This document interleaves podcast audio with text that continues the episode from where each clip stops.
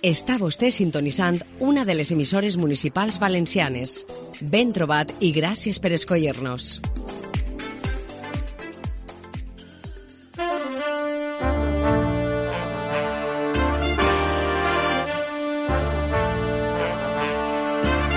Així comença La Represa, un programa de debat, de diàleg, de reflexió i d'introspecció.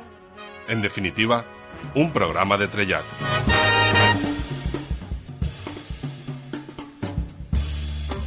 Bon dia de vespre, amigues, amics, i benvinguts una volta més a La Represa, un programa de trellat. Com acostumem a dir, els nostres programes sempre són molt especials perquè així ho són els nostres convidats i una setmana més vos hem portat a un convidat en molt de trellat. Alfons Llorenç, etnòleg i periodista. Vaig néixer al Coi, però sóc fill de Planes, la meva família és de Planes, i mm, ja està, no sé. Any 1951. Em- Sí, vaig néixer el 1951. Molt bé, Alfons, moltíssimes gràcies per haver respost a la crida del nostre programa. I anem a començar no, este repàs biogràfic precisament pel principi, no? per aquesta relació que té vostè, eh, Planes al Coi, perquè eh, mai queda clar quin és el lloc de naixement real. No, el, el lloc de naixement, evidentment, és Alcoi. Jo vaig néixer en una institució imponent que té la ciutat d'Alcoi o que pot tindre Barcelona, que és l'Hospital Civil d'Oliver. Això és la fundació d'uns burgesos que eh, en aquell moment els rics es preocupaven també dels, dels pobres, no? I és un moment del modernisme, fent hospitals, fent mercats, fent eh, coses d'ús social. bueno, el, vaig néixer perquè el part venia mal i el metge del poble em va, va portar a ma mare allà. Però a mi em van tindre que inscriure en el coi, em van tindre que batejar en el coi, si no, no podíem eixir de, de l'hospital. Ara és quan es fa eh, falsificació de document públic, perquè la gent naix en el coi, però l'apunten en el registre de planes. Però damunt d'això, el coi sempre ha sigut la nostra capital comarcal, però després jo vaig estar set anys estudiant en el coi. I, a més, vivint perquè era l'únic que estudiava, no n'hi havia, per tant, transport i, per tant, calia viure en, en el coi. I això m'ha donat sempre una vinculació, la qual cosa no, no m'ha fet eh, renunciar a planes. No? De fet, doncs, he tingut sempre un compromís molt fort en el meu poble. D'això parlarem més avant, continuem en aquest repàs. Vostè va estudiar, diguem, l'educació bàsica, el que seria en Alcoi, En Planes. La- L'escola primària és en Planes. i la secundària ja seria En Alcoi. Alcoi. I després d'això ja pega el votació a València a estudiar... Comença estudiant filosofia, no?, en ese. Bueno, en la carrera, en aquell moment no estaven eh, dividides les facultats, diguem, i la carrera de filosofia i lletres comprenia tot, des de història, filosofia, filologia, i jo volia fer filologia. En principi, clar, no n'hi havia filologia catalana, volia fer filologia romànica i anar-me'n a Barcelona però em va detindre mentrestant la policia i em van impedir traslladar la matrícula. Aleshores vaig triar el més paregut a lo que jo volia fer, que era, dins de filosofia i lletres, filologia moderna. I per això pues, mm, també vaig poder conèixer a una persona que ha sigut determinant en la meva vida com Manuel Sánchez Werner. I, de fet, pues, soc un deixeble seu i dels primers, diguem-ne, professors col·laboradors n'ajudant d'aquella manera que, que va tindre. Ha dit dues o tres coses molt interessants en, en, en res, en, en pràcticament un parell de frases. Una de les coses que m'ha quedat atenció és quan diu que a vostè el detenen. Sí, en, eh, em van detindre, jo estava compromès en el que es diuen comitès de curs, en, al principi no militava encara en ningú partit clandestí, però jo vinc d'una família d'esquerres i aquella situació totalment eh, il·legal, increïble d'una dictadura, pues, eh, convidava a lluitar per la democràcia. No? Aleshores eh, va passar una, una cosa molt, eh, molt forta en el sentit de que eh, van detindre a tots els militants del Partit Comunista que n'hi havien a València, entre altres el que apareixia com a, com a cap, no? que era Antonio Palomares. Sabíem que en les corrents elèctriques li havien fet inclús disminuir 3 centímetres d'altura, que allò era una salvatge. Jo en aquell moment tenia compromís en, eh, cristià i en una assemblea de districte vam, ens van elegir a sis persones perquè anàrem a parlar amb l'arquebisbe de València perquè s'acostava l'1 de maig i venia també la festa de la Mare dels Desemparats perquè diguera alguna cosa a favor d'aquelles persones que estaven matant les agarrotaes. Mm? Aleshores anarem al Palau i aquell arquebisbe va cridar la policia perquè, clar, era, era arquebisbe de València perquè havia sigut confessor de Franco. I la policia va vindre, ens va detindre, ens va prendre la, la i ens va tindre en la comissaria unes hores per pa collonar-nos, però això va suposar tota una sèrie de conseqüències. Això i una altra cosa. El, es fa, al voltant del 74, un manifest que s'encapçalava, diguem, nosaltres, ciutadans del País Valencià, i reclamàvem eh, pues això, la normalització de la llengua, el respecte a la cultura, el, a la nostra especificitat, i eh, n'hi havia eh, 25 primers firmants. L'Eliseu Climent va distribuir les signatures, diguem, per comarques i per oficis. Allò començava Joan Fuster, Raimon, Sánchez, Vicent Andrés Tellers, i jo figurava en totes les fulles és com a un dels primers firmants, com a estudiant i justament d'Alcoi. El governador civil d'aquell moment era nascut al Coi, Enrique Altramulta, i quan va veure allò va dir pues, que després de la repressió que ell havia aplicat allí no podien haver en, en les ciutats rojos, no? I este pues, va fer que llevaren la, mult, la, la beca, el, lo del trasllat de Barcelona, no poder fer milícies eh, universitàries, que era una manera còmoda i privilegiada dels estudiants de la universitat de fer la mili, i bueno, pues, tota una sèrie de represàlies. I això unit a la fitxa, la meva sempre ha anat unida a la de mon pare i el meu avi, no? que condenats per demòcrates, vamos. I, bueno, pues tot això va suposar una, una sèrie de de dificultats i de, de problemes. Jo, per exemple, jo necessitava a casa el, la beca salari, és a dir, donar el, el, un salari a la meva família, perquè jo és un milagre que estudiara. És a dir, jo sóc el major de quatre i, per tant, ni tocava per la família. Mon pare era llaurador i manobre per a portar alguna a casa, per tant jo era el primer obligat a fer el mateix que mon pare. De fet, gent de la dreta caciquil de Planes no m'ho va perdonar mai. Jo tinc pendent un assaig d'una frase que li dien a mon pare. Diu, sí, sí, ensenya-los a llegir i després veurem qui cava.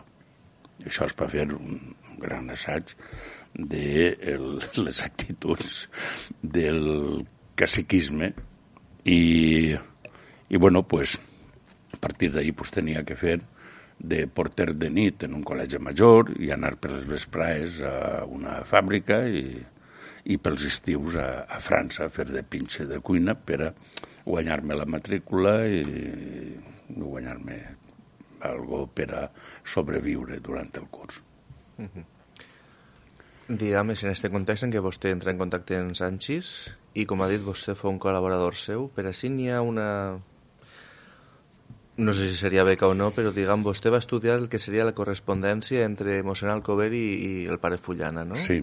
Bueno, beques en aquell moment no n'hi havia. De fet, en uns quants anys d'estar de, ajudant a Don Manuel, eh, ell va aconseguir una espècie de, de beca o ajuda de 12.000 pessetes, que ja no eren diners, de la Fundació Huguet de Castelló com una indemnització pues, per tres o quatre anys d'estar de, allí en el departament a ajudar-li. De fet, bueno, era l'únic, jo tenia la clau, obria i estava allà esperant els alumnes. Eh, Bé, però en la condició de que això gastarem anant a la Universitat Catalana d'Estiu, és a dir, que els diners que ens donaven de Castelló, diguem, des del de nacionalisme cultural, que tornaren al nacionalisme cultural, no? És l'única, diguem, indemnització i tenia aquesta gràcia, no era, no era una beca. Bé, en, en aquest moment, el que sí que estudia jo, i eh, en una ajuda d'investigació de la Diputació d'Alacant és la vida i l'obra del pare Fullana. El feia un centenar i eh, va convocar això. Aleshores va presentar un flare de la mateixa ordre que el pare Fullana i, i jo i van decidir donar-ne en lloc d'un a dos i després publicar l'obra del, del franciscà i la meua no, perquè em van fer allà un tribunal, eh, un tribunal pràcticament un consell de guerra, entre altres presidits per un personatge totalment nefast que li diuen Vicente Ramos. Eix és el creador de, eh, i l'impulsor de les decisions de la província d'Alacant de la resta del País Valencià, el creador d'una cosa que es diu alicantinismo, del surestismo i tot això. Quan va llegir el meu treball, eh, primer es va negar a pagar-me la, la beca o l'ajuda d'investigació, no? i després a publicar-lo, por foribundo catalanista. Eh? I, I, bueno, de fet, encara no està, encara no està publicat, no? I lo de pagar, jo vaig recurrir en una carta meua, jo no podia ni buscar un abogat, i va ser el secretari general de la Diputació, que era Juan Horts d'Ells, una gran persona, que era abogat, que sabia dret, que va dir que evidentment no podien negar-se a, a pagar-me l'ajuda. La, Ahir, dins d'aquest context, és quan jo vaig trobar un petit tesor. Me se va ocorrir anar a, a Mallorca, bueno, don Manuel, sabia que allà hi havia fitxes fetes per el pare Fullana i que havia col·laborat era al principi del Diccionari Català-Valencià-Balear. Aleshores vaig anar allà i eh, el senyor Moll va tratar pues, beníssimament i vaig trobar en l'arxiu del diccionari una carpeta que eren cartes amb el pare Bullana i em vaig quedar al·lucinat perquè, a veure, no és el mateix que tu penses o que el diguen algo va fer allí, pues, enviava cèl·lules o fitxetes, que trobar-se tot un conjunt de cartes que, a més, jo crec que és molt interessant perquè va explicant la trajectòria del pare Fullana, d'un catalanisme eh, fort inicial a eh, un secessionisme mm, també fort, encara que en el fons ella, al Cover, no anava a dir-li mai que eren llengües diferents, perquè també s'havia criat en, en mig del Cover. Tota la culpa no la tenia el pare Fullana, també la tenien actituds que, que va trobar de rebuig. I també una altra cosa, i és que el pare Fullana és d'una generació de franciscans que després de la desamortització és un, com una refundació. I són les primeres generacions que el que es donaven sobretot era oratòria, pietat i demés. Eh, un filòleg, filòleg, no ho era. Era una persona que donava francès en Ontinyent i que tenia el desig de dignificar eh, la llengua i, per tant, copiava els eh, manuals de francès i s'adaptava al valencià, però a l'hora de conèixer la llengua des d'un punt de vista eh, filològic i intern i això, doncs ahir l'home tenia naturalment eh, grans llacunes, és que no, no havia fet estudis eh, fondos i, a més, pues, bueno, sí que llegia alguna cosa dels eh, catalanòfils alemans, el, el que podia publicar en el butlletí del diccionari el, el canonge Alcover, i, i dins d'això pues, va fer el que, lo que va poder. No? Per a mi és un, sí que és un pas avant, en el sentit de que eh, eixa dignificació. És a dir, fins a aquest moment pues, tenim hasta gent que diu que s'han de fer dos gramàtiques del valencià. Una per al poble de tota plena de castellanismes i tot això, i una altra per a els, eh, els excels poetes que només versificaven els diumenges quan, quan estaven desfaenats. No?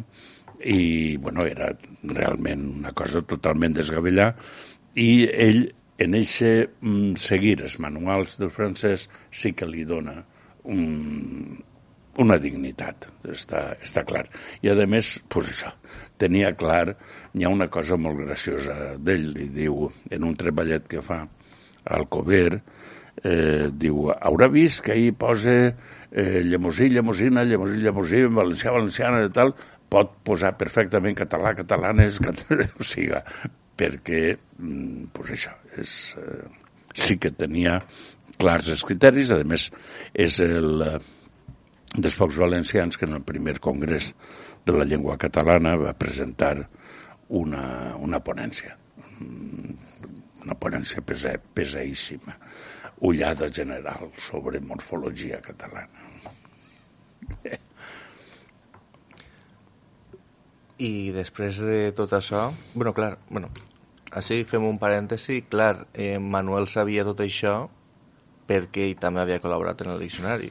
Sí, home, a mi en, eh, inclús arriba a molestar-me que eh, quan es cita, inclús en, en les autories del diccionari, eh, no aparega, eh, home, al nivell de moll no, però al nivell de d'Aina Moll sí, és a dir, ell va estar molts anys i mm, treballant el diccionari, redactant els articles perquè ell era eh, finalment el que venia i Moll el respectava molt perquè eh, havia tingut una escola que Moll no havia pogut tindre.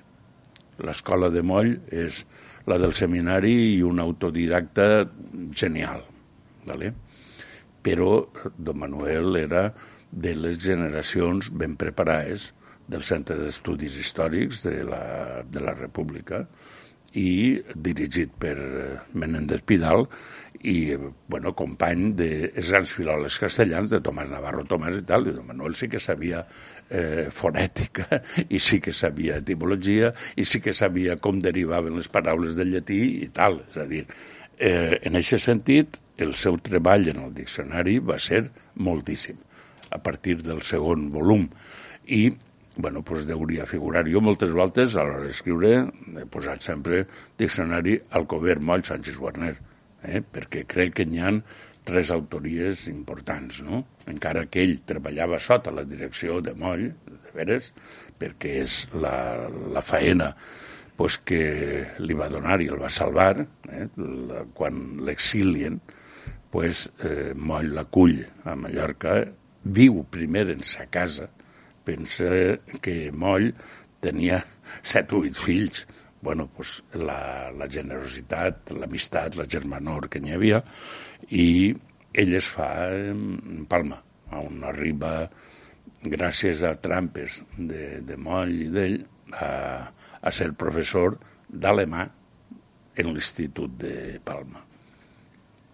No van enviar el, el, això, el, del Ministeri d'Educació reclamaven l'expedient de, de Sánchez, clar, si l'enviaven, pues, d'allà el certificat de bona conducta de la policia i d'antecedents penals i, bueno, pues, no l'enviaven, però reclamaven el nomenament. I això va ser la via d'entrar en l'ensenyança mitja. Tornem a la, a la seva trajectòria. Això sí que és una beca. No crec que, eh, diguem, el seu primer treball en mitjans de comunicació és com a becari de Radio Nacional d'Espanya, pot ser? No, no he sigut mai becari. Doncs això pareix... Eh... pues, eh, està mal, és a dir, eh, jo entré, diguem, en, en un estatus que és el de col·laborador. El director de, de Ràdio Nacional, que va fundar el Centre Regional de Televisió Espanyola en València, Eduard Sancho, va vindre dels Estats Units i, clar, en aquella Espanya encara franquista, pues, va vindre idees totalment noves i modernes i això.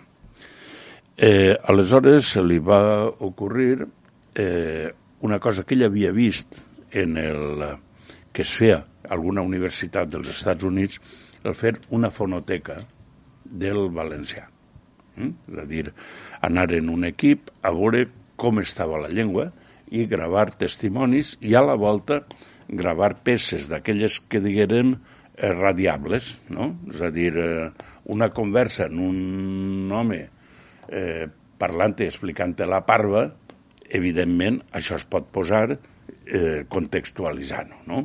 O una cançó de batre, pues es podia utilitzar. Bé, eh, aleshores va entrar en contacte en Sánchez Warner i Sánchez Warner li, li va dir que l'ideal era jo, pues, meus coneixements de llengua i també, sobretot, per la, el meu coneixement de la cultura popular. Bueno, jo, la cultura popular la del meu poble. Jo participava inclús, és a dir, jo era actiu pues, en la festa al xop o inclús en la cega i en la batuda, no? I eh, també per una sensibilitat respecte a la gent major, a l'hora de... Jo sempre, per mi han sigut eh, llibres, han sigut universitat, sempre m'ha agradat eh, parlar i escoltar-los, pues, li va dir que jo era l'ideal per a fer-ho. I bé, pues, això era, hi ha una petita anècdota, l'any 75, cap al final, i diu, eh, bueno, pues tu negaràs a jurar els principis fonamentals del moviment? Dic, sí, i, i dic, pues, esperem que com està malalt ja, ja veurem. Efectivament, en gener és quan jo vaig, no em demanen el jurament, i jo estic de, de col·laborador dirigint eh, la realització de lo que li diem Fonoteca Valenciana, és a dir, replegant per tot el país testimonis de llengua i eh, gastant el mètode que es gastava en la etnografia per a fer enquestes a la gent, fent enquestes lingüístiques, que després se n'ha aprofitat el, convenientment algun professor de la universitat, com el meu amic Emili Casanova, que ha pogut treballar eh, aspectes de la dialectologia en un moment, com podia ser el 76-77, que ja eh, la llengua passava de ser un instrument, sobretot rural i tal, a eh, desaparèixer oficis, no sé què. Hi havia un canvi molt fort en el País Valencià que feia també eh, trontollar la llengua que s'havia parlat fins a aquest moment. Doncs, clar, era un, un moment important. I, bueno, pues, tot això es van fer centenars d'obres. Vaig anar des de, des de Morella a Guardamar en algunes coses molt importants, com per exemple eh, gravar el valencià del terme de eh, Villena o el valencià del terme d'Oriola. Eh, hi havia dos pedanies d'Oriola que parlaven valencià i en Villena estava la...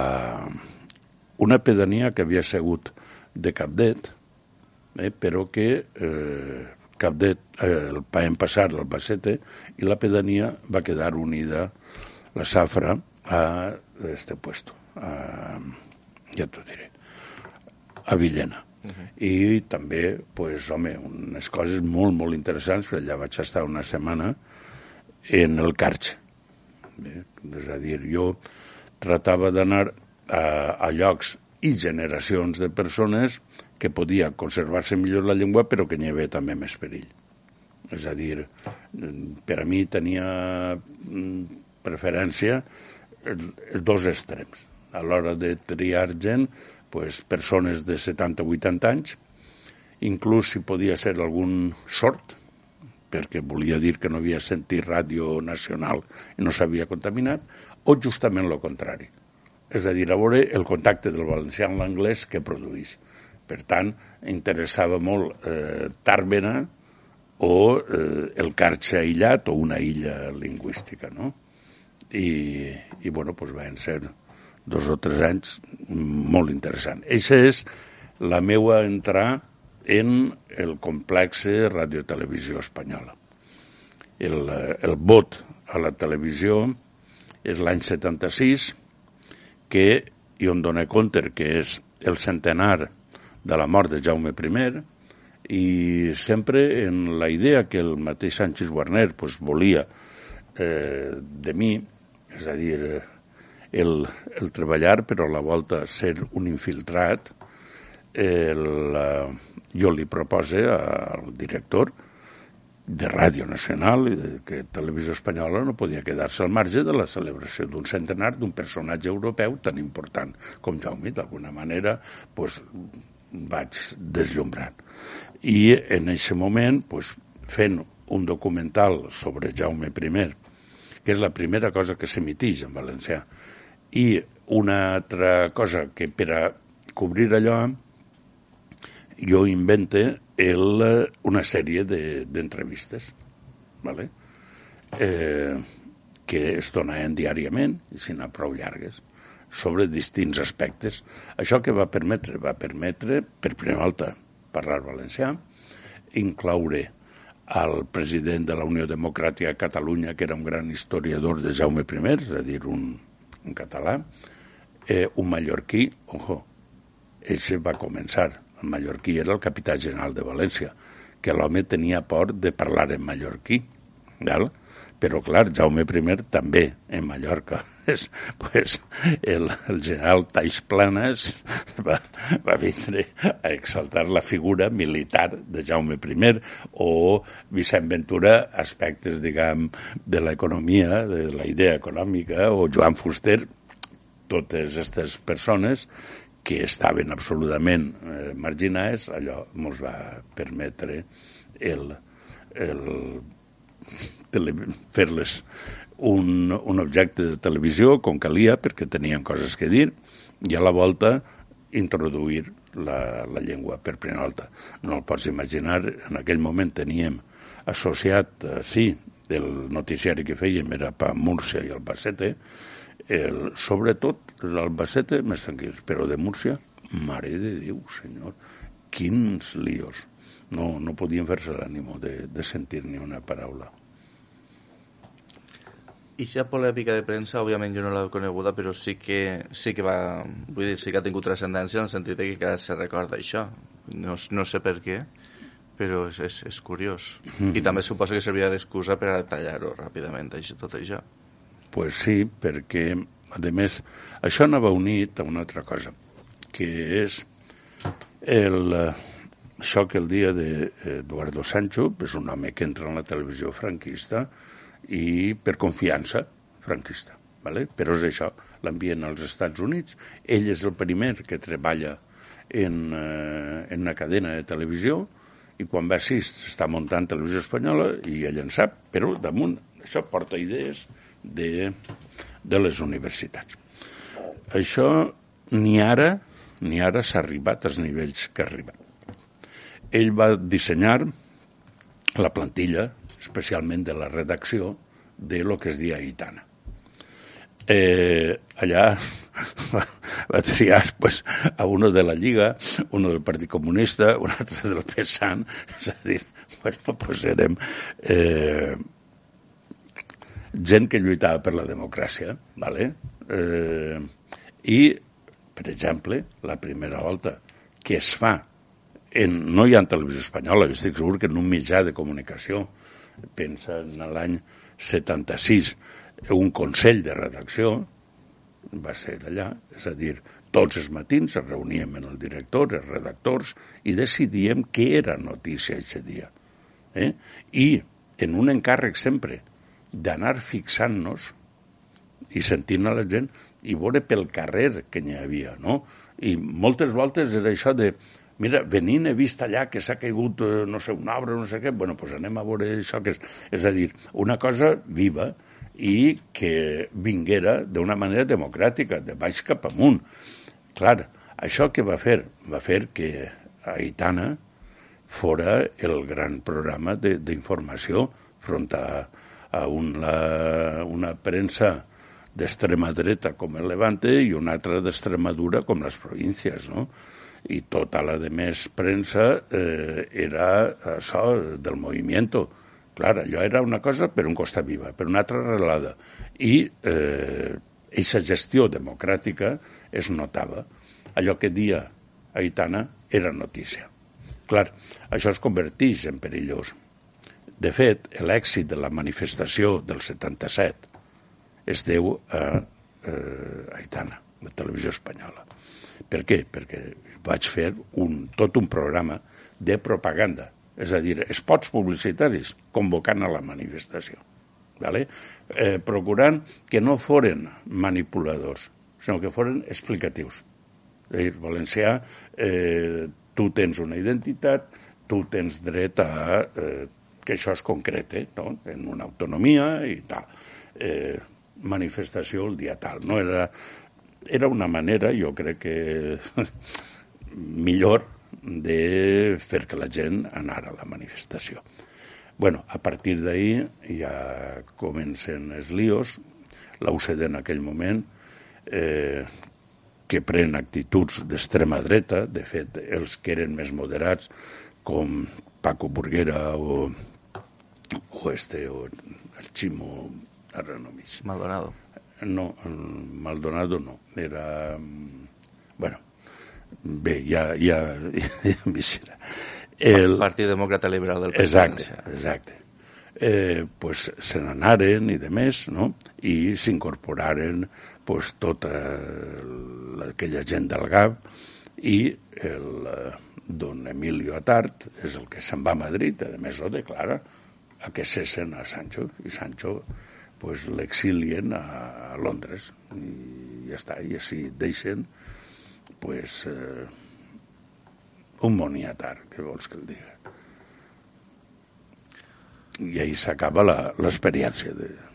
Ahí s'acaba per a vostè en el sentit de que este és el moment en què vostè passa a treballar per a presidència mm, o marxa abans? A veure, en aquest moment el que jo tinc ahir uns, uns anys de eh, allò que es dia en la casa fer passillos, és a dir, la gent que ve, eh, inclús en un comissari polític, perquè el director sí que era treballador fixe de la casa, però vam contratar per a vigilar-nos i marcar-nos a comissaris polítics, en vam tindre dos. Eh, ahir en, eh, en deixen sense fer res i el, eh, quan es constituïx el Consell del País Valencià és quan me demana el president Albinyana que, eh, vamos, que vaja a treballar en ell de cap del gabinet. Eh, jo en aquell moment estava més a l'esquerra de, de lo que de lo que poguera representar el propi Consell i vaig demanar permís al, al partit per entrar. No? Jo volia, evidentment, ajudar a consolidar la primera institució que n'hi havia que tenia apenes competències, però simbòlicament jo sabia que això tenia o podia tindre una gran força i també eh, era el primer eh, governet que donava unitat al País Valencià. Va dir, això de poder anar com a president dels valencians a Sant Rafael del Riu o a, al Pilar de l'Hora pues, era una cosa molt important. A partir d'ahir, què calia fer? Pues, home, donar-li la importància que tenia, però exigir-la. I això era la meva, la meva feina, era preparar els viatges del president, perquè això és una condició que jo vaig posar de traure el, el Consell de la ciutat de València, del camí de trànsits. Això era molt bo per al país i per al president, el donar-se compte que hi havia un país i que el país, a més, l'acceptava. El lliurar-se un poc de la immediatesa de la batalleta quotidiana de, de València que ofegava i més bé llevava. Però, clar, quan tu anaves a Traiguera i el veies eh, mil persones allà en la plaça, president, president, doncs això el mateix president del Vinyana el va impressionar molt i ell va anar evolucionant. Eh? o arribar a Morella i pancartes per les, els portals de, de la muralla i tal, tal. Eh, això també ho va ser aposta, el que estava més acostat a Catalunya, perquè sí que tenien referències de la presència de la Generalitat veïna, no? Clar, això en un principi és un ovni que cau així i la gent pues, no sap i és el que aprofiten els governadors civils i presidents de la Diputació per boicotejar-ho. És a dir, la, el boicot no el pots imaginar, bueno, després ja va ser l'armament de, dels feixistes, jo he replegat pistoles de terra, de, perquè estaven allà en una, en una pistola en quart de poblet, per exemple, o en la representació del tractat del Misrà, allà una gent que es va col·locar en la primera fila, en un moment donat, interrompixen això, es giren de cara al president, alcen els braços i es van posar a cantar-li una regional en el braç alçat. Bueno, doncs, coses d'estes en teníem a tota hora, però així i tot veies un país il·lusionat, un país en marxa. Jo sempre he dit que és la, la primera gran esperança que s'arriba, eh, que arriba a quallar, eh, que la frustren també. Mm? O sigui, evidentment, pues, això del 155 a mi no m'ha impressionat m'ha impressionat, vull dir relativament, jo el vaig conèixer directament, no? I el que és un col d'estat també. Jo sempre pensava, l'eixida del Consell mmm, la comparava en la no eixida, però el final del president Allende en, en el Palau de la Moneda. I, i bueno, pues, és, eixa més o menys, jo de lo que més content estic en aquest moment és de la campanya autonòmica és a dir, farem d'una manera intel·ligent que eh, allò que la dreta volia impedir que s'aconseguira, que era d'acord en la Constitució per anar per la via del 151, que és la que dona més sobirania al poble, en el sentit de que l'Estatut i l'aprovació de l'Estatut depèn dels parlamentaris del, del país en qüestió. ¿vale? El 143 és la via que eh, Madrid atorga un estatutet. El 151 és l'Assemblea Parlamentaris elabora un estatut i l'Assemblea Parlamentaris eh, convoca una reunió en els diputats de Madrid per a que puguen posar no esmenes, sinó motius de discrepància. Entonces, o xerrem, però sempre el, la, la redacció de mentres i final és dels parlamentaris. I al final són els que convoquen el referèndum.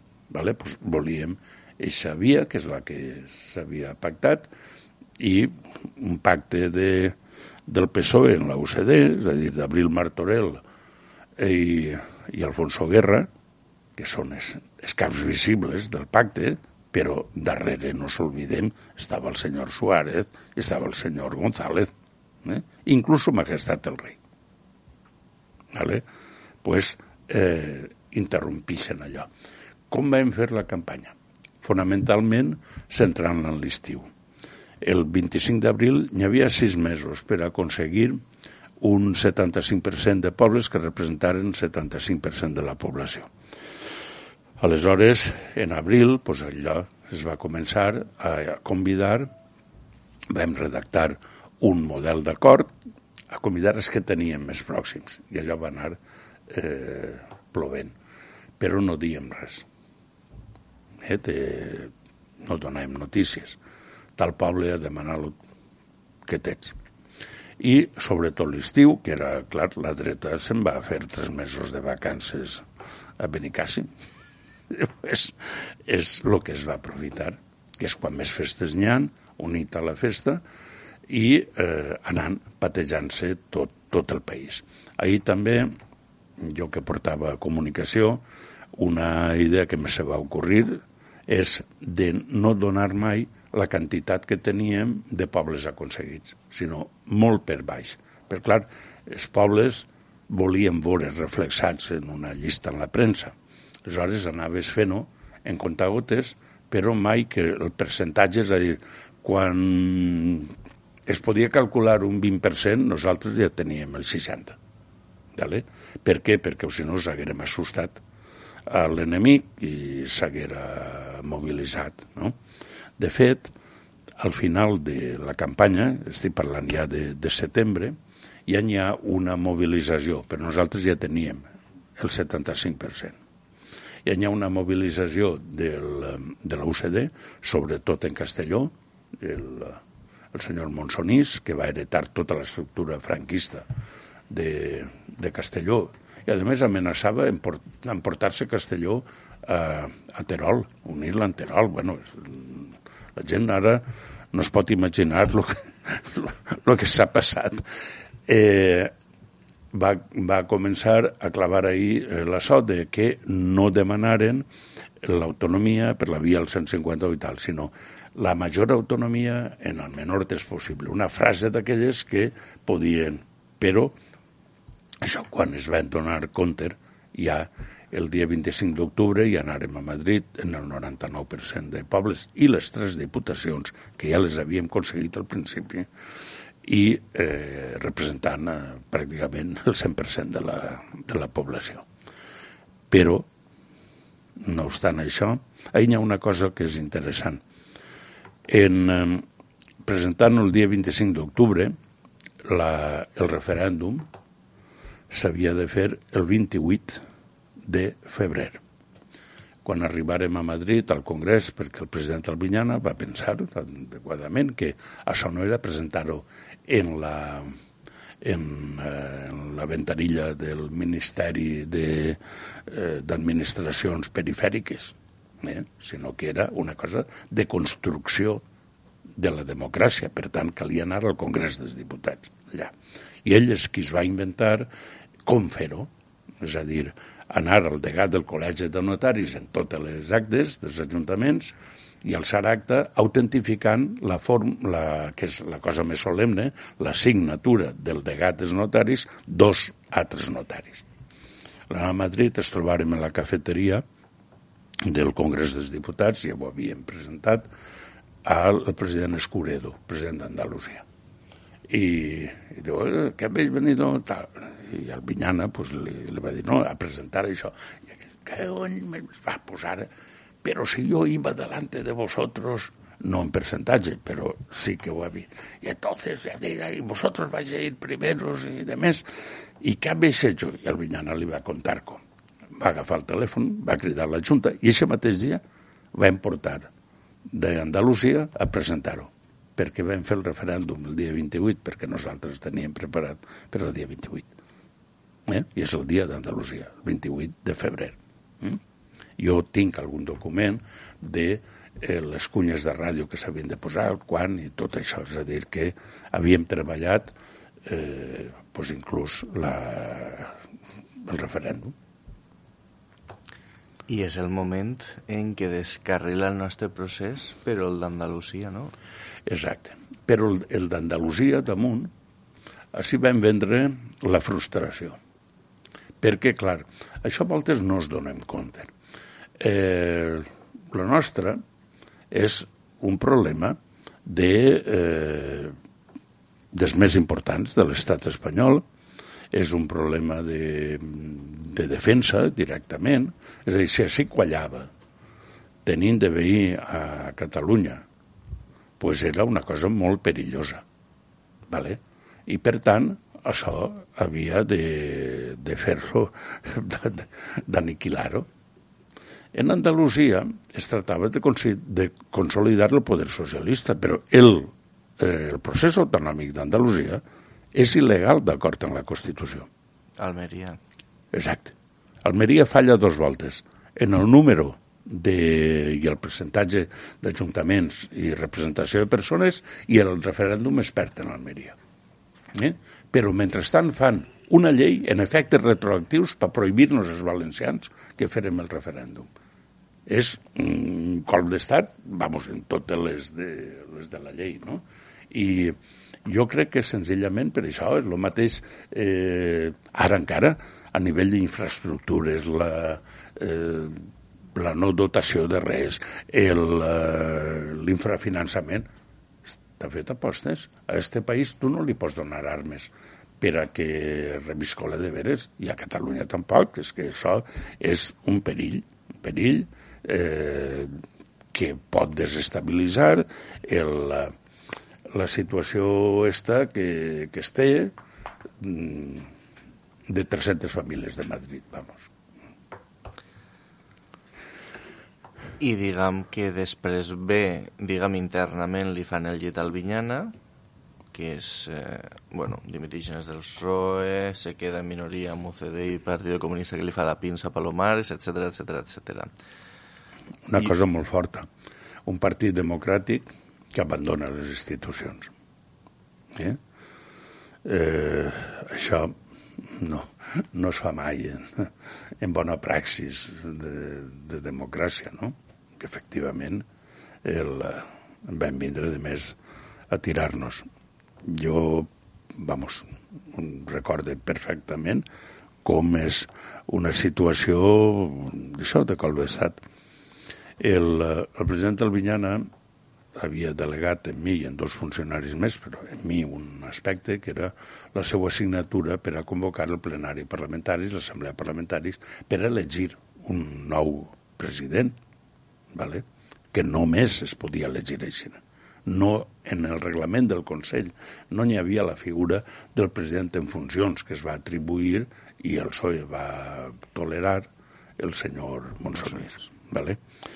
I, eh, clar, jo vaig parlar en els, en els caps del partit i en la presidència de la Diputació perquè estem en terreno de la Diputació per a que això fos possible. No, no, no, no, i fora. I, de, de fet, vam deixar que Monsonís vinguera a ocupar allò i jo vaig ser el primer que, que es va encarregar. Altra gent inclús la van deixar de funcionari, però jo en aquesta firma delegar, que per cert em van cessar d'una cosa en la que no estava nomenat per exercia, que era la Secretaria Autonòmica de Mitjans de Comunicació, però no em van cessar de cap del gabinet de la presidència, o sigui que jo sóc el cap de gabinet en l'exili. Vos saber. Podria reclamar, a lo millor inclús, que, que m'ajustaren la pensió de jubilació d'acord en els anys que... Sí, d'això no estic cessat. I, diguem, després d'això vostè el que fa és tornar a, a la televisió espanyola. Sí, i, i bueno, pues allà més o menys vaig estar treballant bé i a gust fins que eh, de nou, bueno, torne, però després jo me'n torne a, a la Generalitat, ¿vale? perquè venia el, el 750 aniversari les coses que més o menys es van programar era un desgavell i en, en cridaren per a solventar allò, que era pues, celebrar el naixement del poble valencià, no el celebraven, allò, això és una cosa que vaig imposar jo, si no, no, no ho acceptava, allò es dia 750 aniversari de l'entrada triomfal de Jaume I en València. No, no és una entrada triomfal. L'entrada triomfal està... Però és el naixement d'un poble, d'un estat, a Europa. No és qualsevol cosa. Naixem com a valencians i com a europeus al mateix temps. De dir, així ve el, el, eh, l'herència de Carlemany, no de Don Pelayo, la de Carlemany, així, això és Europa. Vale? I damunt pues, tenim la cosa dels furs, que és la primera Constitució que més s'acosta a un sistema democràtic d'Europa, perquè és la primera Constitució de base del, basada en el dret romà. No? I, per tant, és la més avançada d'Europa. Bueno, n'hi havia moltes coses molt importants, però, clar, això ja sabem que cal amagar-ho, cal dissimular-ho, cal crear desmemòria continuada i això tal. Aleshores, n'hi havia la gran cosa, girava al voltant d'una naumàquia. Una naumàquia, una batalla naval. En la València, fins al segle XVIII, es feien naumàquies. Eh, es feien entre el pont de la Trinitat i el pont de Serrans. Tapaven els ulls, és a dir, primer passaven els, els barquets per baix dels ulls del, del pont i eh, després ho tapaven en les eh, en els troncs que baixaven del racó de Mus pel riu i en fang i omplien allò d'aigua que portava el Túria i ja podien fer una batalla naval. bueno, eh, això no deixa de ser un animalà. Aleshores, quan es van donar compte de, de allò, vaig tindre una conversa en les altures, i tu què penses d'això? I dic, home, pues, què vols que el diga? La naumàquia, en un moment en què el riu no porta aigua, els troncs del racó de Demus no baixen, i no hi ha ningú barco que capi per baix de, dels ponts, pues, no és possible és millor agarrar els moros i cristians de la Vila Joiosa i portar-los a Dènia, que és una, un lloc bonic, i una badia, i dalt del castell, i tot això, i fer que allí facin el simulacre que fan, i ja està. Això. I, a més, valia 2.000 milions de pessetes perquè teòricament Hollywood ho comprava i això generava aquestes coses. Sí, sí, era... I, al dir això de, de l'aigua que no s'havien donat compte i dels barcos i dels troncs i de més, doncs diu, fes-te càrrec tu. Bueno, deixeu-me uns dies per pensar-ho i efectivament vaig posar, jo sempre que he entrat a un càrrec d'estos sempre he posat condicions i a més una altra cosa, sempre he entregat una carta de dimissió sense data. Em molesta molt la gent que està parlant clar, mamant-li al polític i eh, fins a la vespre de cessar-lo. L'endemà ja era ruïníssim, ja no sé què. No. A mi em nomenen per una qüestió de confiança, no és, diguem, una cosa a guanyar per mi, no és una oposició, per tant, ahí tens la, la carta meua de dimissió sense data, quan vulguis la poses. Per què? Perquè també he tingut una, un avantatge.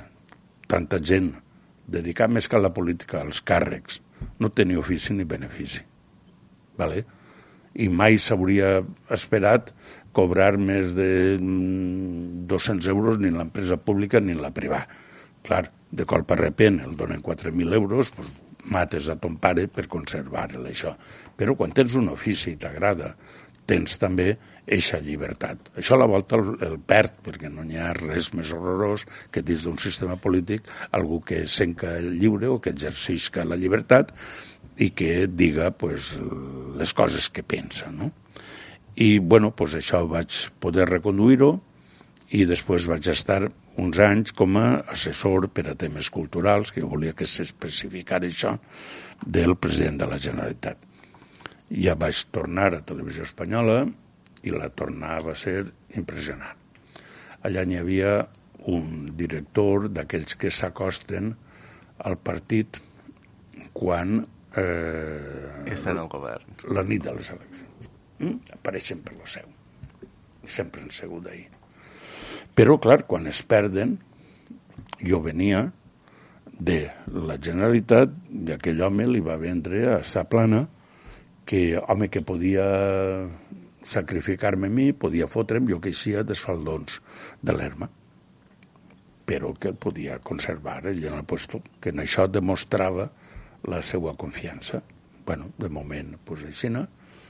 i em va traure de tot de la redacció, em va tancar en un quarto de oscur i ja està. Eh, els últims 10 anys meus de, de televisió espanyola, bueno, al final vaig ser cap de, de missions, que era una cosa que jo jo sóc de lletres, jo no, qualsevol feina tècnica no, no és el meu. I el que vaig fer va ser, pues això, vengar-me. Com?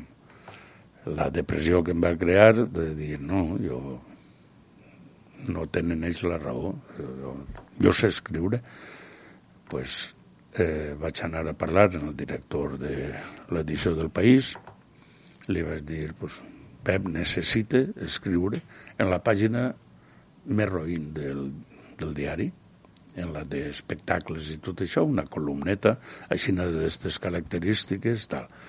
Eh, diari. Tu saps el que és un assagget diari? Eh, sí, però és vital per a mi, és la meua, la meua salvació, i a més en el país, perquè tots estos el, el diari era palabra de Dios, te alabamos, Senyor, no? I eh, això, en la, en la pàgina d'agenda, perquè jo el que volia era que si allò ho feia bé i tenia un valor, el lector vinguera a buscar-ho. Pues, així no va ser. I això al final va produir un llibre. I és el que em va, em va salvar. Però van ser deu anys molt fotuts, perquè també eren els que professionalment més podia donar.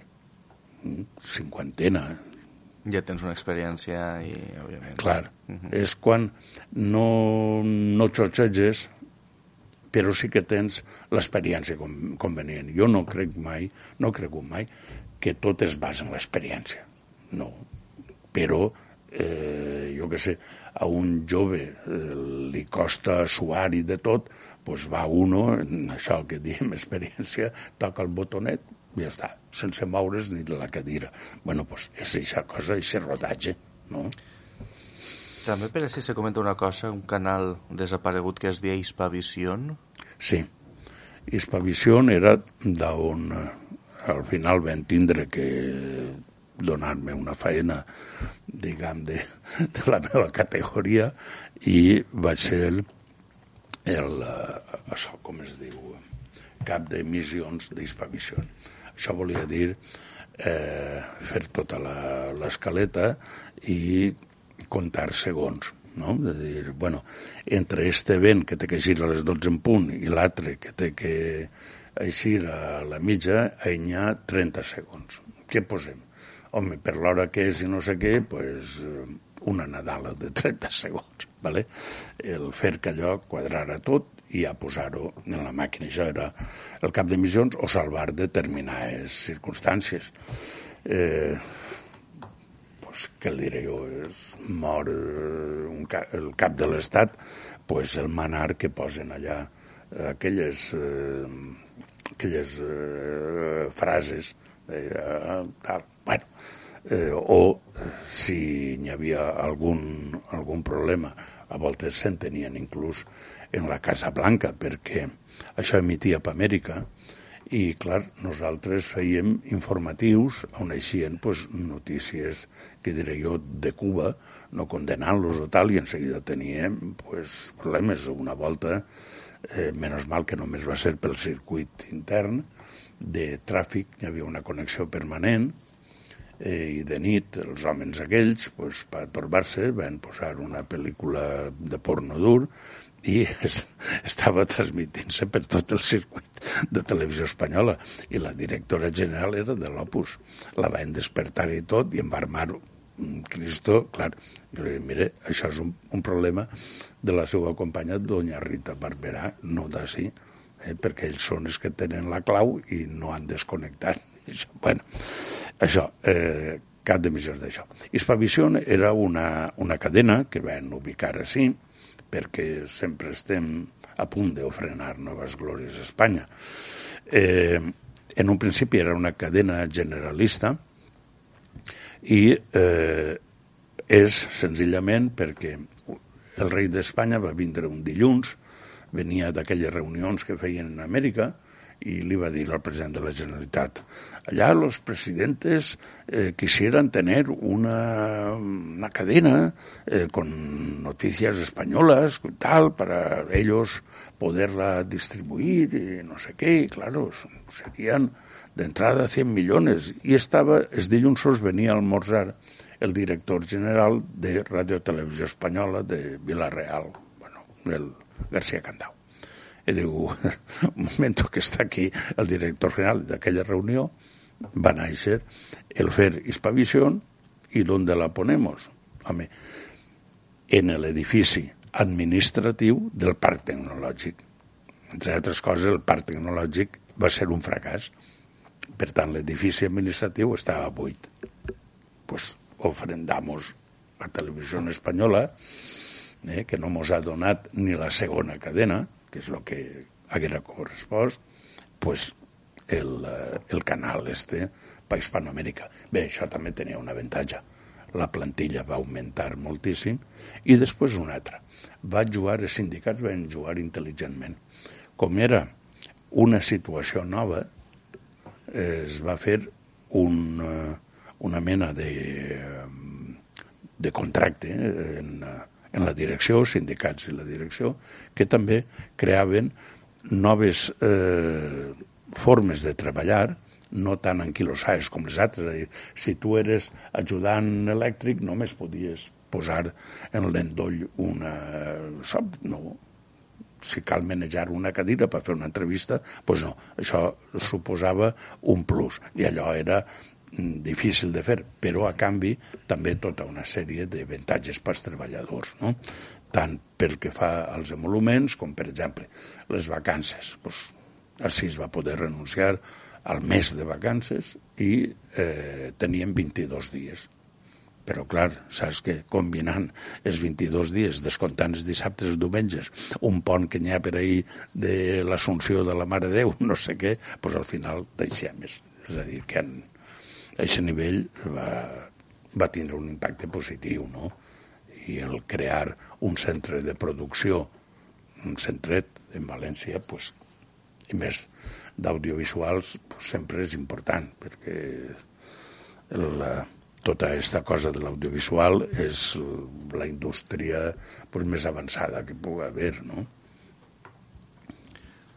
Sobre Radio Televisió Espanyola hi ha una anècdota que recentment se va fer pública gràcies a Rosella Espinós i a Sergi Moyano, que és d'aquella, diguem, la emissió d'aquella bomba a Fuster, això és, eh, diguem, quan vostè ja deixa la, la presidència, però abans de, de tot això de, de les naumàquies i de la celebració dels 750 anys. Eh, parlem d'això. Parlem de tota la història del que s'emeté, del que no s'emeté i del que s'ha pogut emetre ara perquè algú va, va alçar-ho en algun lloc. Sí. Eh, bueno, jo ja, ja estava, diguem, marginat dins de, de la redacció no obstant, a mi em va, em va cridar per telèfon el Jaume Pérez Montaner, que havia estat en Cap Fuster en, en l'explosió, i eh, diu, ha passat això. Jo me'n vaig anar al, a la direcció, al director, i li vaig dir, han posat dos bombes a Fuster i això sembla molt gros. Això s'ha de fer això no té entitat, això no sé què, això, per què? Només eh, crearem líos i mos observen massa i Fuster està massa assenyalat. És, eh, no, no, és una cosa important i, i que es deu fer i, a més, quan te la demanen des del telediari o de, de la televisió de, en Catalunya, què, què farem? Bueno, si és així, no? I van agarrar un filmador i se'n vam anar a Capuster. Jo li vaig cridar al, al Vinyana, l'expresident en aquell moment, i se'n va vindre també, i de fet es vam trobar allà, perquè per la vesprada era l'11 de setembre, i per la vesprada se n'anem a un acte en Barcelona de, de celebració que estaven convidats. Bé, eh, això, vam arribar allà, el desastre era impressionant, hi ha un aspecte que no s'ha insistit massa, i era que realment estava feta per a matar a Fuster en molt mala llet. La gent no sap un, un detallet. Primer, en, n'hi havia dues habitacions, n'hi ha dues habitacions, bueno, ara no, perquè ho han canviat tot, però eh, com en les cases valencianes, en l'entrar, una a la dreta, l'altra a l'esquerra, que normalment s'utilitzaven pues, una d'habitació en la planta baixa i l'altra de despatx, eh, de si eres abogat o eh, no sé què. Pues, en eh, l'informador, jo crec de dels grups feixistes i militars.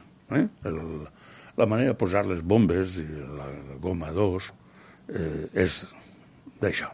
Eh? De, primer que només ho té l'exèrcit i després ahir va intervindre al nivell que fora eh, l'exèrcit. Eh, estava perfectament sincronitzat, primer un petardo a la dreta i després una bomba metralla i tot a l'esquerra. L'informador d'això tenia, eh, sabia les costums de la casa, però eh, li va fallar un detallet. I és que Fuster feia uns mesos, un any, que eh, com que l'emprenyaven molt, hi havia molt soroll, ell dormia pràcticament pel matí, però verlava tota la nit, es va fer una habitació a la part contrària, en, eh, aprofitant el, el ras que tenen les cases, i dormia a l'altre costat, perquè, clar, allò estava pensat per a, al sentir el soroll, el despertes i t'incorpores en el llit.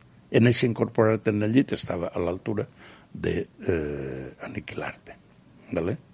Però això, aquest detall és un detall que Mm, no es diu, se li n'escapa a la gent, de que realment demostra el que sí que es diu, que anaven a, a, per ell, però en tota la, la mala llet i la tàctica i l'estratègia. Vale?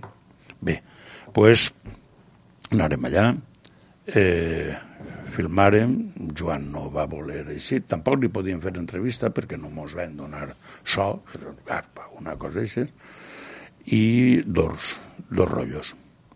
Bé, al, a l'arribar jo em vaig posar a, a escriure el text i haguera sigut una notícia que durara pues, uns tres minuts, una cosa d'això. Al donar-li al, comissari polític, pues, no, això no, això ja ho farem diferent. bueno, efectivament, ja estaven muntant allò, van ordenar que no muntaren i eh, van fer desaparèixer un de rotllos de, de la cinta. Per això jo me'n vaig anar al, al muntatge i senzillament vaig agarrar l'altre rotllo, eh, que és en, en el que estava muntant-se. Eh, per això, en les imatges només es veu fora de casa. Falta la part de dins de casa.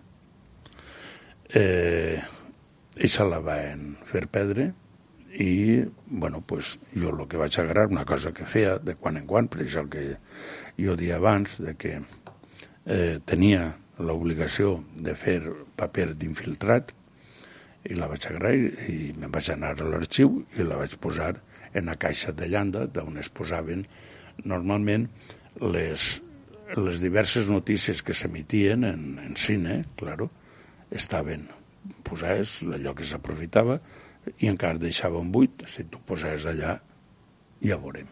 Vale? Eh, això és el que s'ha pogut salvar i, i donar, pues, oferir-ho de nou, no? oferir-ho per primera volta a la gent. Això puc dir que jo ho feia moltes voltes. I, a més, pues, n'hi havia almenys dues persones més, un filmador i un muntador, en el que estàvem combinats. Per exemple, pues, jo he tret moltes voltes cintes de les paneres on en el, la cabina muntatge s'anaven pues, tirant, no? Eh, per exemple en la transició en un moment d'un any, hi ha un dia que el vicepresident militar del govern va a Cartagena i allà un general de la Guàrdia Civil l'agredeix i tal i tot això. Això estava filmat. I Montano va dir, fora, això no es pot donar.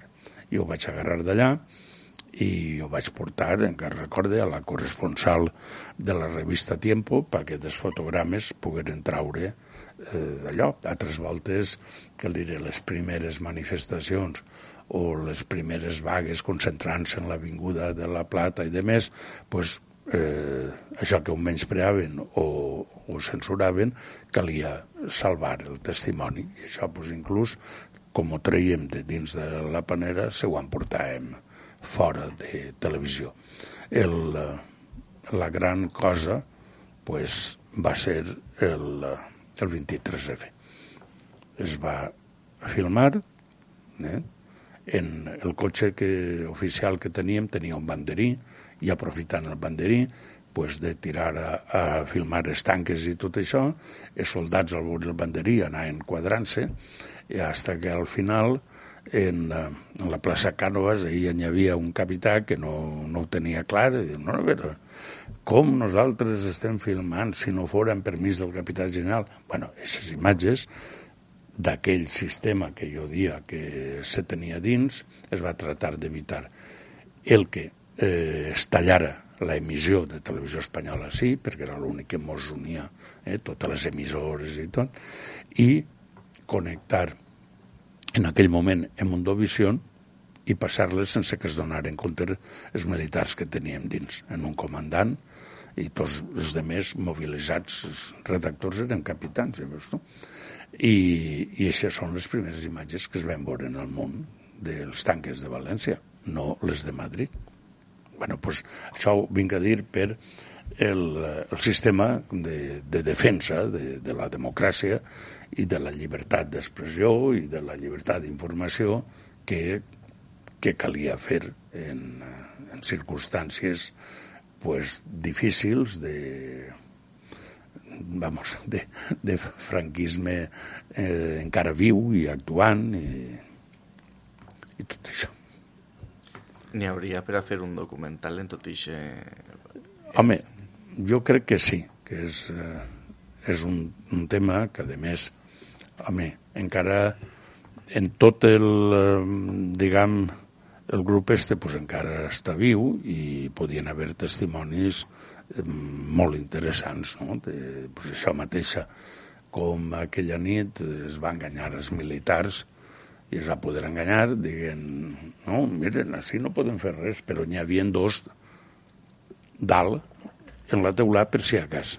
Per si a cas venia el capità general que volia vindre a fer a llegir el bando en directe en televisió. Això és el que estava preparant el director. ¿vale? Que no va acudir, no va acudir, es va amagar en Benidorm, però des d'allà donava ordres.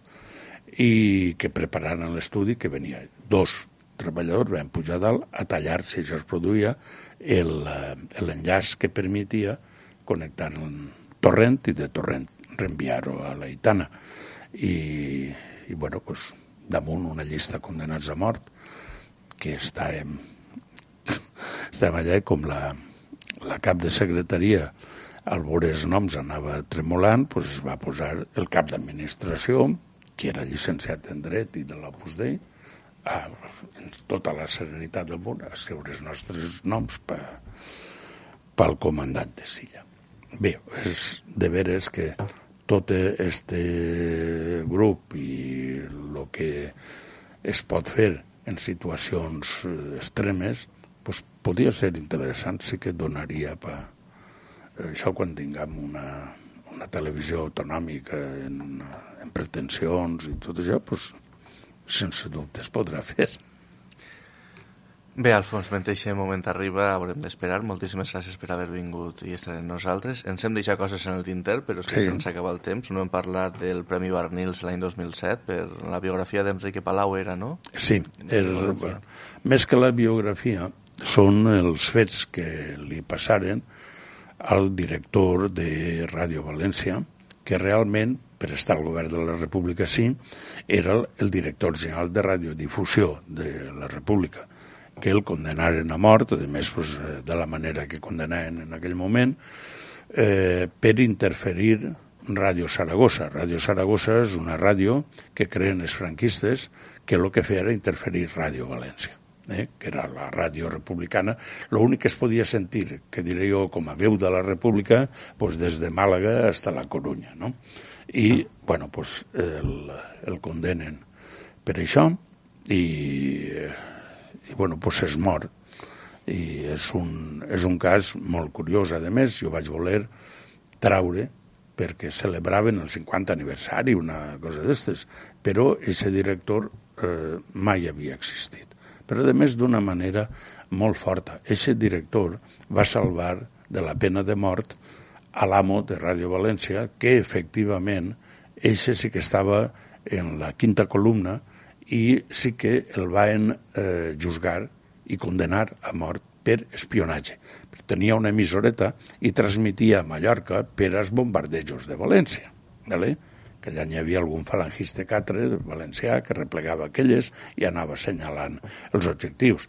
I aquest home es va jugar tot per a salvar-lo de la mort. Pues després només van entrar, en ell no van tindre ninguna compassió. I jo pues, creia que era un cas, perquè a més també hi ha una altra cosa. El, la seva visió, si tenim la veu de Miguel Hernández o de Machado i tal, era per la seva visió de, de, de fer emissions aprofitant que així teníem eh, els millors escriptors. Sí, sí. Eh? Entonces, pues ahí ya era de, un home de Cervera del Maestre, Enrique Palau.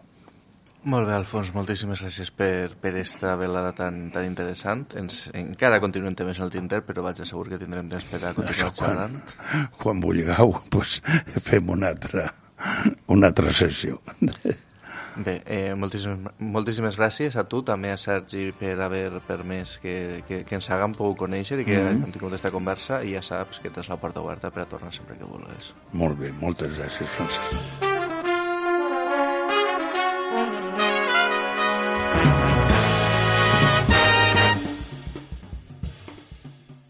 Escoltes, un programa de la xarxa d'emissores municipals valencianes.